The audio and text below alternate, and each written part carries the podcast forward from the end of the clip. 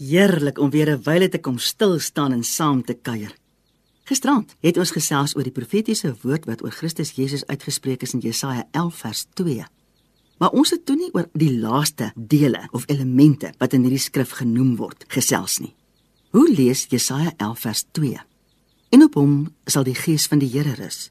Die gees van wysheid en verstand. Die gees van raad en sterkte. Die gees van kennis en van die vrees van die Here die gees van kennis. Kennis is 'n kragtige woord, veral so met die wegtrek van 'n nuwe jaar. Wat wag daar alles op ons waarvan ons nou reeds baie graag sou wou kennis dra?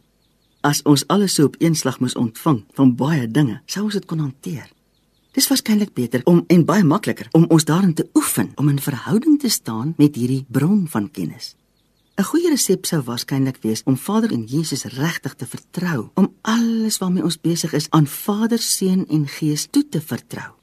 Oefen om alles te bespreek met ons Vader en dan te wag op sy inspraak en leiding. Leer ook om nie te beweeg as die vrede van God wat alle verstand te bowe gaan, nie jou binneste volmaak nie. In Kolossense 3 vers 15 is 'n wonderlike woord opgeteken wat veral in die Amplified vertaling baie duidelik uitgespel word.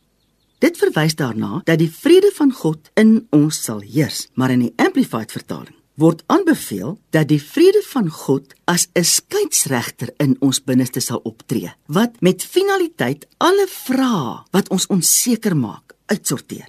En as hierdie skeieregter fluitjie blaas, moet ons net daar stop tot alle onsekerheid opgeklaar is. Wanneer die vrede van God dan terug is, sal ons ook presies weet hoe om verder te gaan leer ken die vrede van God as jou skeieregter.